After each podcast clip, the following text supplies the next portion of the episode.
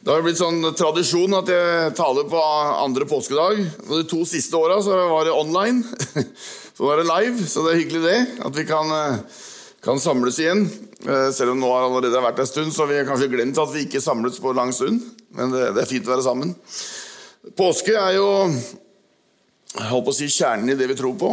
Eh, det er jo det som er eh, det sentrale i alt det vi tror på, alt det vi gjør, alt det vi driver med, er jo pga. påsken.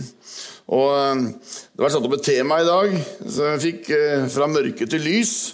Og Det er også det hele dreier seg om. Det er å være med å lede mennesker eh, til tro på Jesus, som tar mennesker fra mørket til lyset. Og Det gjelder jo hele året. For så gjelder jo påsken også hele året. Og Det, det er spennende og interessant. Og så er det godt at vi har sånne, disse høytidene, så kan vi dvele litt ekstra ved det. Jeg har sagt det før også, når det gjelder jul og påske og, og pinse og sånne høytider, så er det alltid litt sånn uh, En tanke som streifer en som skal preke. Uh, går det an å si noe som ingen har hørt før? og det tror jeg er ganske vanskelig. I hvert fall vi som er samla, da. Det er, det er, jo mennesker som ikke har hørt det. Men for oss som er samla, som går, er vant til å gå på møter og gå i menighet, så, så har vi nær sagt hørt det meste. Men så er det det med Guds ord, at det, det er levende og det er virksomt. Og så kan det kanskje være én setning som gjør at ting blir litt annerledes i år enn det var i fjor da du hørte det samme budskapet kanskje, eller om påsken. Det er det som er spesielt med Guds ord. da. At det treffer oss på litt forskjellige måter. Og Derfor så er jo dette det er ikke som en bok. Jeg leste en bok i, i påsken. og jeg er sånn at jeg leste en bok eller sett en film, så er jeg ferdig, men jeg går ikke på en gang til. Eh, det gidder jeg aldri. Men eh, med Guds ord så er jo det samme boka om igjen, om igjen, om igjen. om igjen. Eh, og det er nettopp fordi at Guds ord det er helt unikt i forhold til alle andre ord. Og Jesus sa jo også det til disiplene sine, at de ordene jeg har talt til dere, det er ånd og det er liv. Derfor så blir det annerledes, og derfor så blir det noe nytt hver gang vi leser. Og så er det noe som heter Den hellige ånd, som åpenbarer ting på nye måter. Og det er fint. Så derfor eh, er det nok ikke så mye av det jeg kommer til å si i kveld som dere ikke har hørt før. Men kanskje det er en litt annen vinkling på noe av det. Og, og så får vi be om at Den hellige ånd vil tale til hjertene våre og, og ta tak i oss og, og, dra at det som blir sagt, også drar oss litt nærmere Han. Og, får en enda forst klarere forståelse av hvem Han er. For det er det det dreier seg om. Fra mørke til lys. Påsken er jo et dramatisk budskap. En dramatisk begivenhet. Eh, påskeuka den, den, den åpner liksom, Da åpner Gud døra for hele menneskeheten. For milliardene som skulle komme etter Golgata. Han åpner muligheten at mennesker kunne gå fra det uendelige mørket til hans underfulle lys. Det er ganske dramatisk. Det skjer i løpet av dagen. Tidligere så levde menneskene uten mulighet til tette fellesskap med Gud, uten mulighet til forsoning. Det var et brudd. Og så kommer Jesus, og så fører han oss inn i Guds underfulle lys. Og det er ganske dramatisk og helt fantastisk. For Gud ønsker jo dette tette, intime forholdet med oss. Han elsker så at han ga. I påsken så var jeg med på noe Vi har hytte oppe på Tempelseter, og der var det på Tempelstua, kafeteria der oppe, så var det quiz en av dagene i påsken. Og det var stufullt. Og det var ganske morsomt å være på, for en enkel mann også. Vi klarte en del. Men det som var litt morsomt, for, for liksom Eggedal det er regna for det stedet hvor, hvor hellige Olav gikk forbi. Altså, det, det, er helt glemt. Det er svarte hedningland tenker vi på det. Det er, det er gudstjeneste et par ganger i året, og så er det begravelser det er, og bryllup. Det er så, det som foregår der i kirkelig aktivitet. Men så et av spørsmålene, dette var en av de lokale som hadde lagd en quiz, så var Siter de syv første ord av Johannes 3, 16. Det var ganske artig. Og når vi skulle gå inn og svare etterpå, så sa hun som ledet dette det er veldig fint, det som står der. Kan vi ikke lese av det sammen, alle sammen? Så hele den kaffen Jeg satt med ølen sin og med colaen sin og, og siterte Johannes 3, 16. Jeg Det var ganske, det grep hjertet mitt. At det, det er fantastisk. Så fikk vi delt påskens budskap der i løpet av noen få minutter. Sekunder og setninger. Og så Hvem veit? Guds ord er levende. Hvem veit hva det resulterte i? At noen kanskje fikk en tanke, et minne fra en søndagsskole de gikk på en gang. Hvem veit? Det er spennende. Peter sier i hvert fall sånn i 1. Peter 2,9.: Men dere er en utvalgt ett slekt, et kongelig presteskap, et hellig folk, et folk som Gud har vunnet, for at dere skal forkynne Hans storverk. Han som kalte dere fra mørket og inn i sitt underfulle lys. Fra mørke til lys. Så påsken var jo Guds plan for forsoning helt fra Adam tok den biten av det eplet han ikke skulle. Dette var dagen som Gud, den treenige Gud, hadde ventet på. Dette var dagen som Jesus var villig til å fornedre seg selv og ta en tjeners skikkelse. Dette han venta på. Denne uken begynte med festreise og jubel og palmesus inn i Jerusalem. Og avsluttes med død og elendighet for mange. Men så skjer dette mirakelet på påskedag, nemlig at graven er tom. Graven er tom. Fortvilelse som prega disiplene og de som gikk sammen med Jesus på langfredagen den hadde mulighet til å endre seg på påskedag, men disiplene skjønte ikke hva som hadde skjedd. Og det har jeg undra meg over mange ganger. De gikk med Jesus i tre år, og han prenta inn og prenta inn og prenta inn. Altså, han måtte dø. Det måtte komme. Allikevel, når det skjedde, så klarte de ikke å koble. De kobla ikke det han hadde sagt, til det som, det som hendte. De kobla ikke hendelsen det som skjedde med Jesus, med det som de hadde hørt ham fortelle. Og det er jo ganske interessant. Er det noen som burde tro at Jesus kunne stå fra de døde, så var det jo dem. Altså, De hadde sett han gjøre tegn under, de hadde sett han vekke opp døde. De hadde sett han reise syke opp fra sykesenga. Når det skjedde med han, så svant håpet. Påsken bringer håp om evig liv. Det bringer seier over døden. Men så er ikke påsken bare sånn en eh, billett til evig liv i himmelen, men det er en billett til et liv sammen med Jesus. Hele den vandringen vi, vi har her nede. Og det er fantastisk eh, Når vi leser Guds ord, så ser vi at dette er profetert lenge på forhånd. Hundrevis av år på forhånd så ble det profetert. Hvis du leser fra Bibelen, så dreier det seg om det hele veien. Det peker hen på det som kommer. At Jesus måtte komme, han måtte dø. Og Jesajas han skriver, ta med det også, Jesajas 25 vers 8 og 9, der står det Han skal sluke døden for evig. Herren skal tørke tårene fra hvert ansikt. Han skal ta bort sitt folks vanære fra hele jorden. For Herren har talt. Den dagen skal du si, se, dette er vår Gud. Vi håpet på ham, og han frelste oss. Dette er Herren. Vi håpet på ham. La oss juble og glede oss over hans frelse. Da Jesus døde, så døde døden. Tok du den? Da Jesus døde, så døde døden. Han tilintetgjorde døden. Men dette som profeten profeterer her Han fikk jo budskap fra Gud hvor det står Se, dette er vår Gud, vi håpet på ham, han frelste oss. Det hadde de glemt, de som opplevde dette her på nært hold. De hadde glemt at dette var profetert 600-700 år før Jesus ble født, at, det, at dette skulle skje. Vi, skulle, vi, håpet på ham, og han frelste oss. Men de, de satt allikevel det menneskelige aspektet inn. De klarte ikke å tro at han kunne stå opp fra de døde. Han var jo død. Så er påskedagen en seiersdag, det er en gledens dag, det er en jubeldag. Men ikke så mange opplevde det den dagen. I går spesielt, over hele kloden vår, så ble dette feira. Under trær i Afrika, i skygger av svære trær, i svære katedraler, i underjordiske menigheter i Nord-Korea. I kirker og bedehus i vårt eget land og inn verden så blei dette feira at Jesus sto opp igjen. Det er jubeldagen. Men de som opplevde det på nært hold, de var fulle av sorg og fortvilelse og håpløshet. Og Det er litt interessant, syns jeg. Den kontrasten. Nå skal vi lese Jeg håper dere har god tid. Nei, jeg skal ikke holde på så lenge. altså. Men jeg skal lese et svært avsnitt nå. Dette, dette, har dere lest, jeg kunne, jeg kunne sagt så mange predikanter så dette kan du lese når du kommer hjem, men jeg vet at gjør, ingen gjør det. I hvert fall veldig få, så jeg tar det, jeg tar det her, jeg. Eh, det er veldig fint å si det. Vi har ikke tid til å lese, så les når du kommer hjem. Det har vi glemt vet du, før vi har tatt første sving. Men derfor leser vi det her. Veldig kjent for de som har lest Bibelen. Ikke så kjent for de som ikke har lest så mye. Lukas 24, fra vers 13. Samme dag var to disipler på vei Dette er altså påske etter oppstandelsen. Samme dag var to disipler på vei til en landsby som heter Emmaus, 60 stadier fra Jerusalem, ca. en mil. Og de snakket om alt det som har skjedd.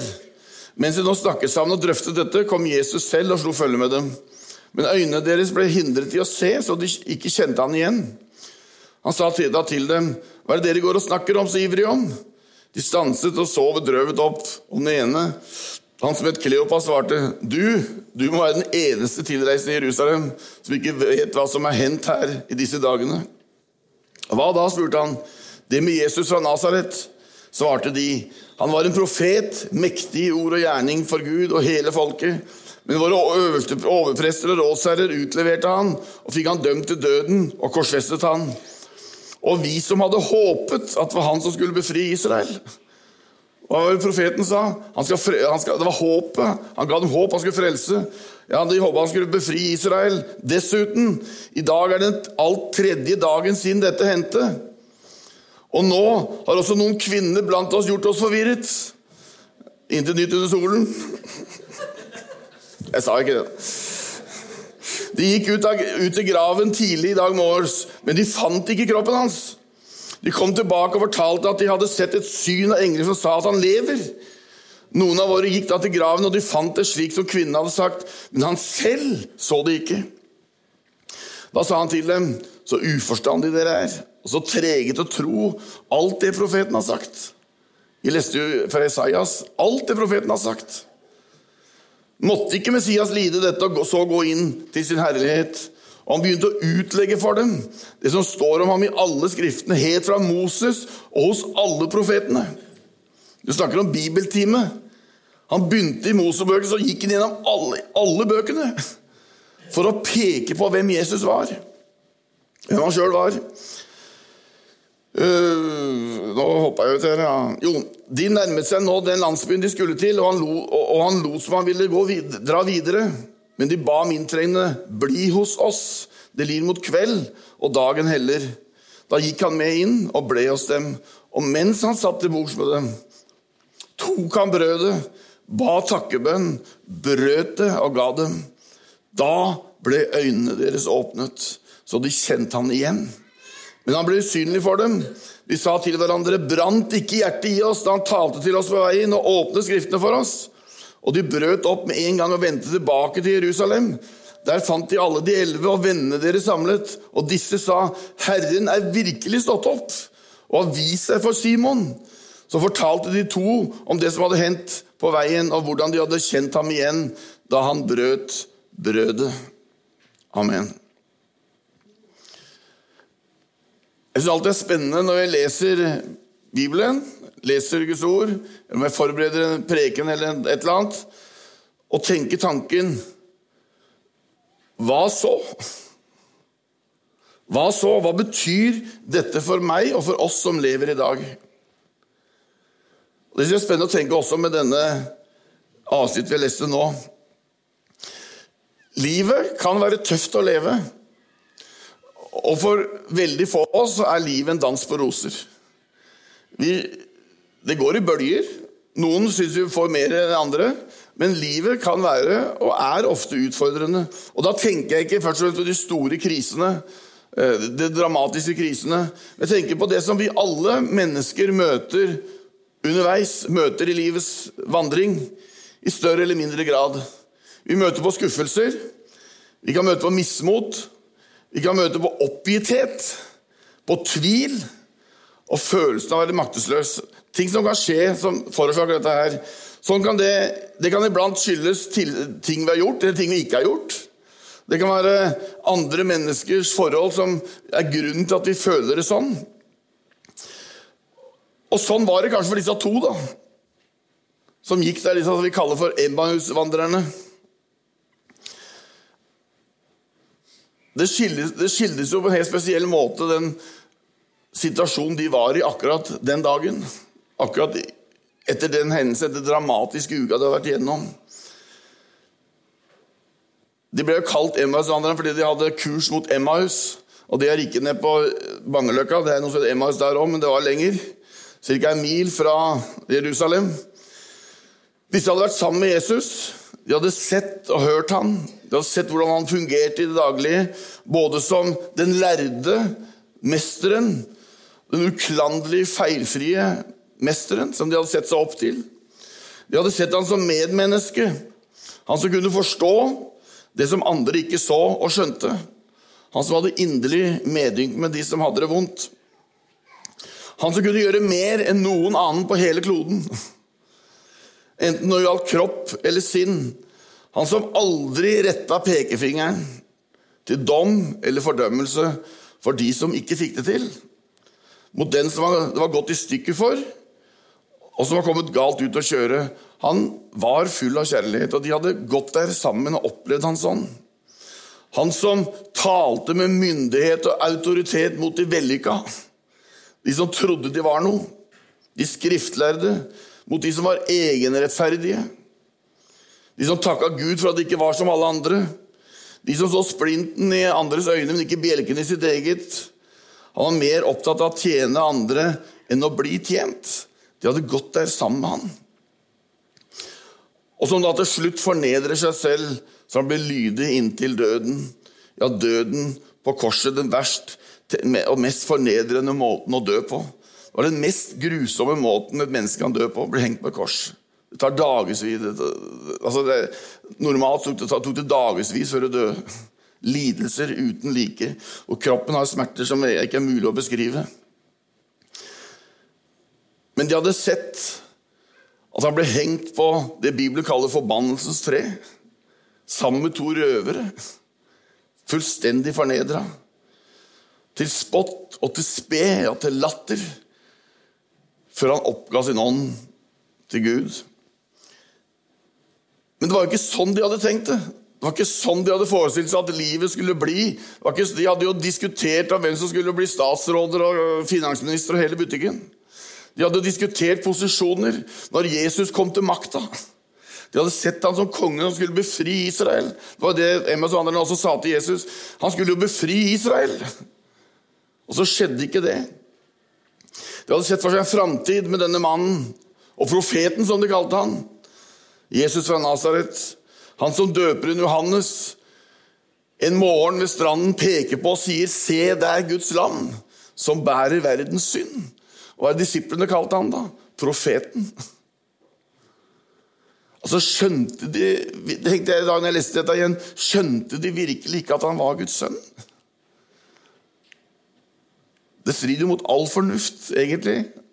Men jeg trodde i hvert fall at de skjønte det. At de trodde det. Peter hadde jo bekjent du er Messias, den levende Guds sønn. Men når nederlaget er fullkomment, han henger der, så stikker de alle mann. Og vi kjenner også Peters historie. Han var den så langt de kunne se, så langt de kunne forstå, skulle bli den store nasjonale helten. Mannen skulle lede det jødiske folk i opprør og seier mot de romerske okkupantene. Det var okkupert land. De skulle gjøre slutt på fremmedstyret i Israel. Han skulle komme og redde dem. Men så gikk det ikke sånn som de hadde trodd. Redningsmannen ble arrestert, forhørt, torturert, henretta og begravd så svinner alt håpet. Drømmen ble knust. De hadde jo drømt. Jeg kan tenke meg at De satt på kveldene og fantaserte hva som skulle bli. Tenk når han, og de, de var med når han rei inn palmesøndagen inn i Jerusalem, hvor det var jubel og begeistring. Han ble hylla. Men drømmen ble knust. Han de hadde stolt på, han de hadde satsa på, han var død. Han kunne jo krabba ned fra det korset, men han døde der oppe. Han ble begravd i en krippegrav i en hage. Selv om ryktene sa at han var jo ikke der lenger. Dette var vanskelig å skjønne. Han hadde jo sagt han skulle stå opp igjen, men det hadde de glemt. Og det er rart, det òg, da. Og så tenker jeg noen ganger for meg Glemmer jeg det, Vidar, egentlig, at Jesus har stått opp igjen? Han lever. Han lever. Jeg har vært på utallige møter i husmenigheter i Kina. Og Hvis du sier den setningen 'Jesus lever', så holder taket på å blåse For det er sånn begeistring. Han lever. Vi sang her 'Deg være ære, Herre over døden', som han vant over døden. Han lever. Det er fantastisk. Men nå var de redde. De var sjøl i fare. De har frykta for sine egne liv. De var jo redd for hva som ville skje, at folk skulle begynne å granske disse folkene. De hadde jo vært sammen med han. Disiplene hadde gjemt seg av gårde. De hadde jo vært med han. Han var deres religiøse eh, De ønska å få deres, sine religiøse og politiske ledere rydda av veien. Skulle liksom, Jesus skulle ta over. Og så kommer håpløsheten, maktesløsheten og fortvilelsen og følelsen av knuste drømmer. Kanskje noen av oss opplevde det òg. At drømmen vi hadde, knuste. De var jo samla, disiplene, oppe i Jerusalem. Men hva gjorde disse karene her? Ja, Det er ikke de som være her lenger nå. Så de satte i retning Emmaus isteden. Det var ikke noe vits i å være sammen med denne gjengen lenger. Lederen var jo borte. Fellesskapet var på en måte brutt. Det var han som holdt fellesskapet sammen. på en måte. De hadde gått hver til sitt, trodde de. Og Trekker du inn i vår egen hverdag, vårt eget liv og vår egen opplevelse av ting, så er det kanskje sånn at når, når ting går skeis, når mismotet kommer Ting skjer i livet vårt som er vanskelig, som drømmer blir knust ting kommer opp som er vanskelig for oss å takle, så er det kanskje lett for å trekke oss unna fellesskapet. Så holder vi oss heller unna fellesskapet istedenfor å søke fellesskapet og finne trøst, oppmuntring, hjelp. De hellige samfunn. Det er jo her vi finner velsignelsen. Gud har satt velsignelsesmenigheten, så kunne vi komme sammen og så oppleve fellesskapet, oppleve styrken av det å stå sammen, også når livet byr på nederlag. Og tørre å si at vi sliter. Tørre å si at det det er mørkt. Tørre å si at tvilen gnager. Jeg skulle gjerne sett en som torde å reise opp og si at 'jeg har aldri tvilt på noe av dette jeg tror på'. Tvilen kan komme og gnage skikkelig. I hvert fall har jeg opplevd det sånn. Tvilen kan virkelig gnage. Noen ganger føler du at du blir angrepet av tvil. Men da istedenfor å lokke seg unna fellesskap og stikke fra fellesskap, men søke fellesskap og si at jeg sliter om dagen. Jeg syns det er vanskelig å tro på dette. For det er jo det innimellom. Selv om vi har vokst opp med det, mange av oss. Kursen ble altså vendt mot Emmaus, vekk fra Jerusalem. De gikk nedoverbakke. Er det noen som har vært i Jerusalem her? Er det noen som har vært der? Det er en del, ja. Det er fint. Og da vet du at du skal, ikke, skal, du skal du vekk fra Jerusalem, så er det nedoverbakke. Det går nedover, bratt. Jerusalem ligger høyt oppe. Så de gikk vekk. De snudde seg vekk fra fellesskapet, og du var på vei utfor. I bokstavelig forstand, og i enda sterkere grad jeg, i billedlig forstand, så var de på vei nedoverbakke. Men midt i denne situasjonen, midt i denne bedrøvelige tilstanden, er det at Bibelen, Guds eget ord, forteller det vi leste Mens de nå snakket sammen og drøftet dette, hva skjedde da? Jo, da kom Jesus selv og slo følge med dem. Det er så fantastisk. På vei nedover bakken. Da håpet var, slått, var, var, borte, da drømmen var knust, da mismotet knuga dem ned, da det ikke så vits med fellesskapet lenger, så kommer Jesus, og jeg har på å si typisk Jesus. Han slår følge med dem. Men så det videre, men øynene ble hindret til å se, så de kjente ham ikke igjen. Men jeg syns det var så fantastisk. Det står, så kom Jesus selv og slo følge med dem. For en sannhet som også gjelder deg og meg. Og når jeg sier 'hva så', hvorfor det angår dette meg? Jo, dette at Jesus kommer når livet kan være butte litt, så kommer han ikke og slår han av meg, men han kommer og slår følge med meg. Og så sier han ikke 'nå for å gi deg', da, Vidar. Dette har du hørt om siden søndagsskolen. Du kunne krype og gå, du har lært det hjemme. og du har lært det, ikke sant? Nei, han kommer, og så slår han følge med oss. Og så begynner han hva han gjør med disse karene som hadde mista håp og mista mot og mista alt. Jo, han begynner å legge ut Guds ord for dem. Og det er der hemmeligheten finnes. Til trøst, til håp, til fornyelse, til liv og til lys. nemlig gjennom Guds eget ord. Derfor er det så viktig at vi leser. Enten det er papirboka eller er på digitalt, at vi leser Guds ord, at vi tar til oss. Han vandra altså sammen, disse tre, nedover mot Emmaus. To av dem ute av kurs. Ansiktet vendt feil vei. Vekk fra Jerusalem, vekk fra venner, vekk fra utfordringer, vekk fra skuffelser.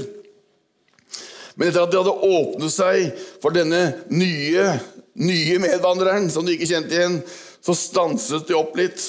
Og så skriver Lukas som han skrev, de stanset og så bedrøvet opp. Det var fortvilelse. Og Sånn beskriver Herren den tilstanden som vi mennesker også kan komme i. Når sorgen blir for sterk, når, sorg, når mismodet blir for tungt å bære, vandringen og framgangen opphører, det blir stillstand, så kan vi føle ja, vi blir bedrøvet.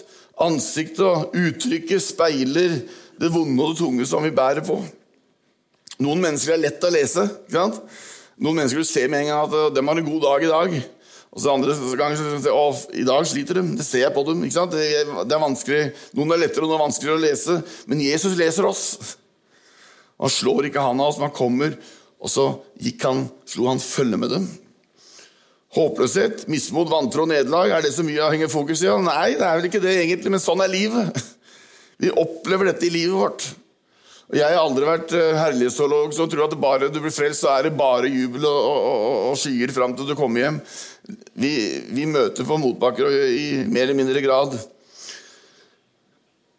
Men det er så fantastisk at denne Jesus, som hadde lovt disiplene sine, sagt disiplene ikke så lenge før dette hendte Han går der sammen med disse to, og hva var det Jesus sa?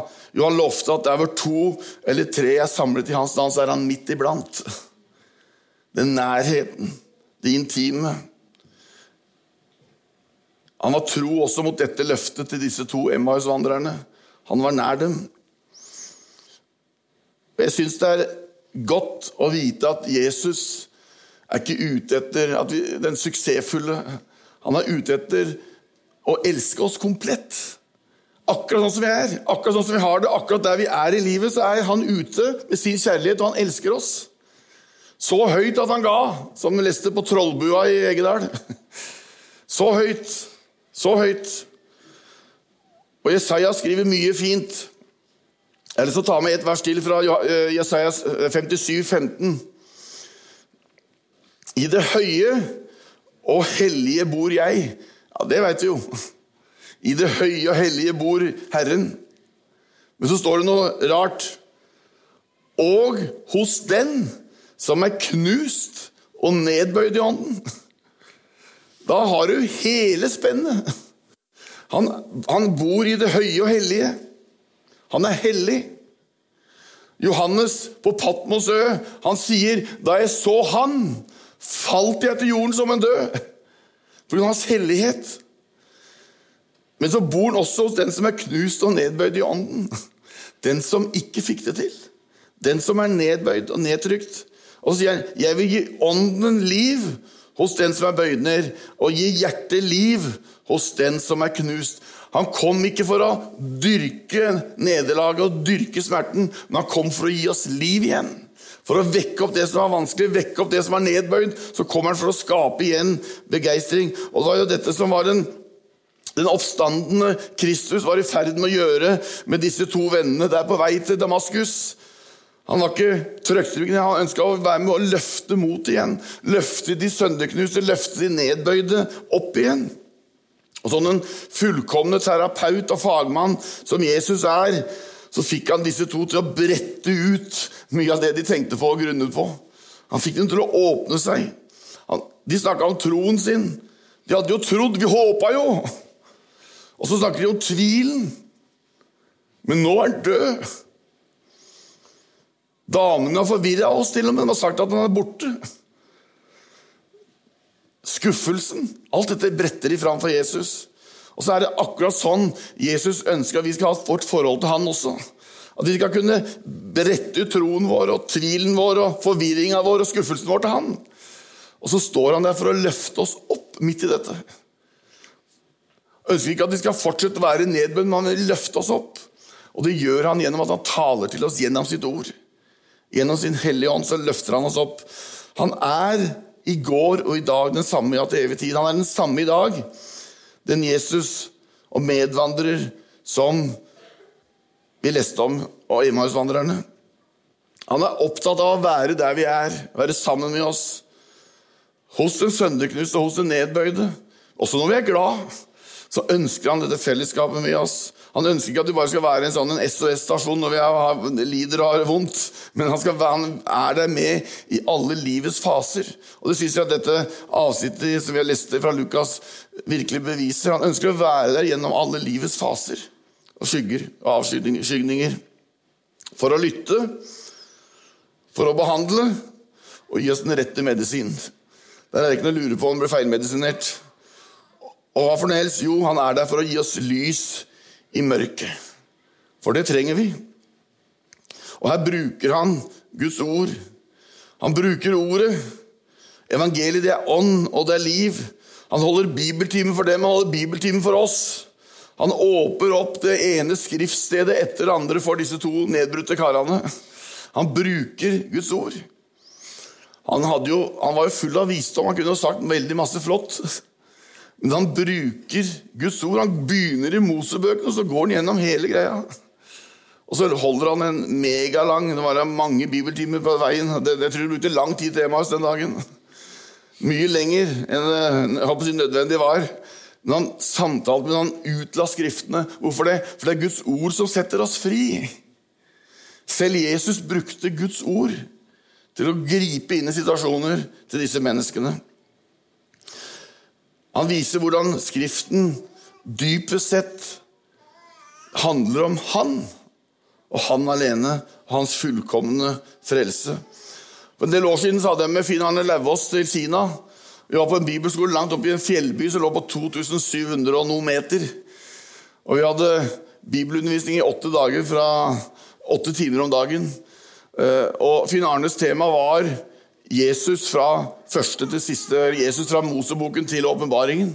Fantastisk interessant. Og Disse elevene satt fjetra og hørte på i åtte ganger åtte, 64 timer. Klokketimer. Og jeg var like fet, jeg, fet tror jeg. Og vi gikk gjennom hele Bibelen hvor alt peker på Jesus. Alt dreier seg om han, og det var det Jesus fikk fram også for disse som var på vei utforbakke, at alt dreier seg jo om han. Han er verdens midtpunkt og verdens senter. Han henter eksempler fra Skriftene og sier ja, sånn er det. Se her, dere, sånn er det. Han forteller om Guds løfte til Adam, Adam og Eva i Edens hage om at han skulle knuse slangens hode. Kanskje han legger ut om blodet fra Abel, om løftesønnen Isak som måtte ofres, som var bildet på han som skulle komme om et annet bilde om Josef, som ble forkasta og fornedra, men som ble opphøyd, anerkjent og gjenkjent. De kjente han igjen etter hvert. Om lammet som måtte slaktes der i Egypt, til frelse og befrielse for de som trellet under farao, med blodet på dørstokken. Så skal jeg gå dere forbi. Han gikk igjennom alle disse bildene på hva som skulle komme. Om klippen som ble knust for at vannet skulle springe fram midt i ørkenen.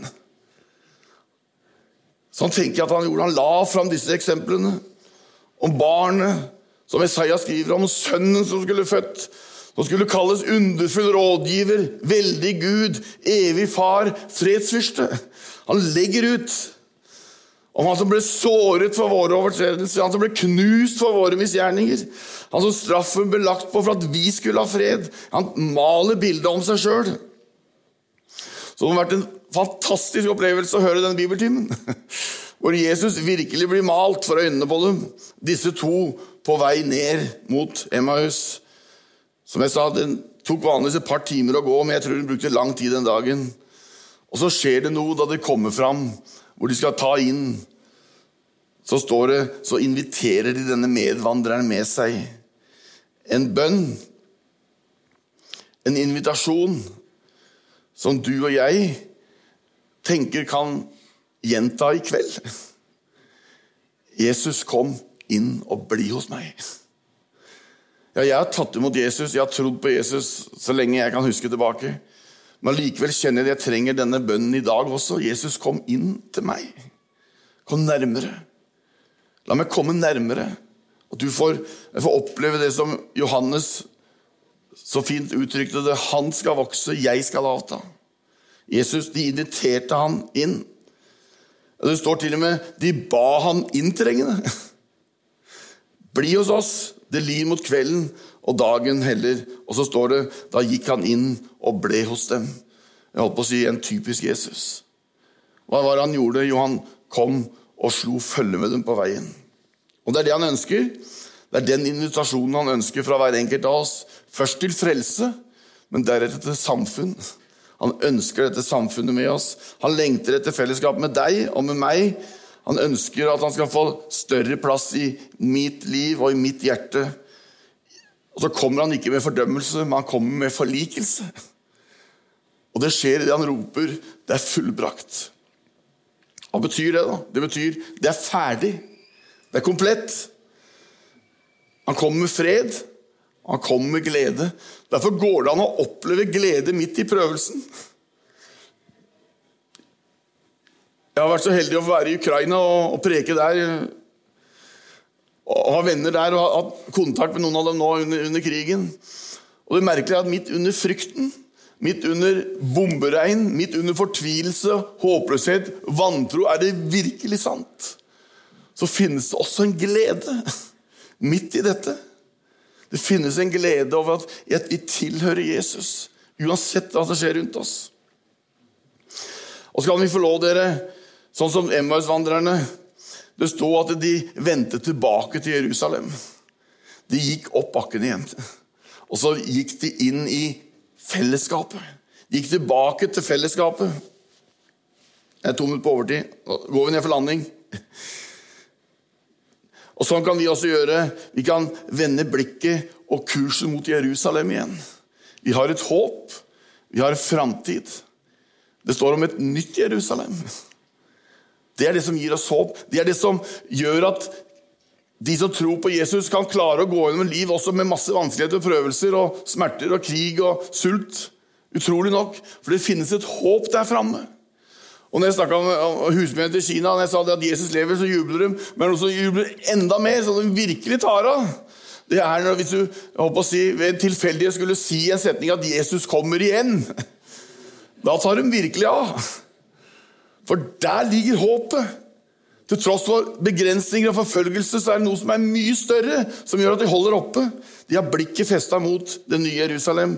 Derfor har vi vår borgerrett, står i, himmelen, nei, sorry, Bibelen. Har borgerrett i himmelen, det himmelske. Og skal vi få lov å nyte fellesskapet og kjenne styrken i fellesskapet. Og Det er godt, dere. Det å komme sammen i Guds hus er så viktig. Det å kjenne på fellesskapet, være sammen med andre, det, det er så viktig. Og jeg tenker det er livsnødvendig å komme sammen. I morgen begynner hverdagen igjen. Nå har vi hatt lang påskeferie og vi har tenkt på Jesus. I morgen kommer hverdagen igjen. Jobb, skole, studier. Og så begynte vi med å lese fra 1. Peter 2,9, så vi får vende tilbake der vi begynte. Men dere, altså vi som er her, vi er en utvalgt slekt, et kongelig presteskap. Vi er et hellig folk, et folk som Gud har vunnet. Det ble vunnet på Golgata. Og hvorfor vant han dette folket? Jo, for at dere skal forkynne hans storverk. Han som kalte dere fra mørket og inn i sitt underfulle lys. Emmaus-vandrerne kom tilbake til fellesskapet og de andre disiplene. Og de fikk virkelig oppleve i sammen at han var oppstanden. Sammen fikk de oppleve det. Og så har han satt oss her til å være med og forkynne hans storverk. Og hva er hans storverk? Det er Golgata-verket. Det at han døde for all verdens synd. At han vant over døden. At døden døde. Og at han lever, det er hans storverk som vi skal være med å forkynne. Det er svært. Det er et fantastisk budskap. Det får vi gå med til verden rundt oss og utafor oss, for at vi, dere skal forkynne hans storverk. Derfor er vi her på denne kloden. Hvis ikke så kunne Jesus hente oss rett til himmels i det øyeblikket vi ble frelst. Da hadde vi vært berga, vi i hvert fall. Men han har satt oss her for å forkynne hans storverk. Derfor eksisterer Elvebyen familiekirke. Vi skal være med å forkynne hans storverk. Derfor har Herren satt deg i ditt nabolag, på din arbeidsplass, på ditt studiested og på din skole for å være med å kalle mennesker til Guds underfulle lys. Amen. Herre, vi takker deg for at du tente på lys i hjertene våre. Takk at vi får lov å tro at du er den levende, oppstandende Kristus. Og så har vi erfart at du under livets vandring kommer og slår følge med oss, og det takker vi deg for. Så ber jeg Jesus for oss som er her nå i, i kveld. Du kjenner hjertene våre. Kanskje er noen kjenner på at de er på vei litt nedoverbakke. Herre, da ber vi at du skal komme deg med ditt ord og løfte opp. Takk at du slår ikke handa av oss om vi føler oss nedbøyd og knust. Men da kommer du med ditt ord, og så er du med og løfter oss opp igjen. Og så heier du oss fram. Takk for at du har gitt oss framtid og håp. Takk at du har satt oss her i denne verden, i denne tida, og være med å forkynne din storhet. Hjelp oss til å bringe dette budskapet videre som enkeltpersoner, men også som menighet. Og det ber vi om i Jesu navn. Amen.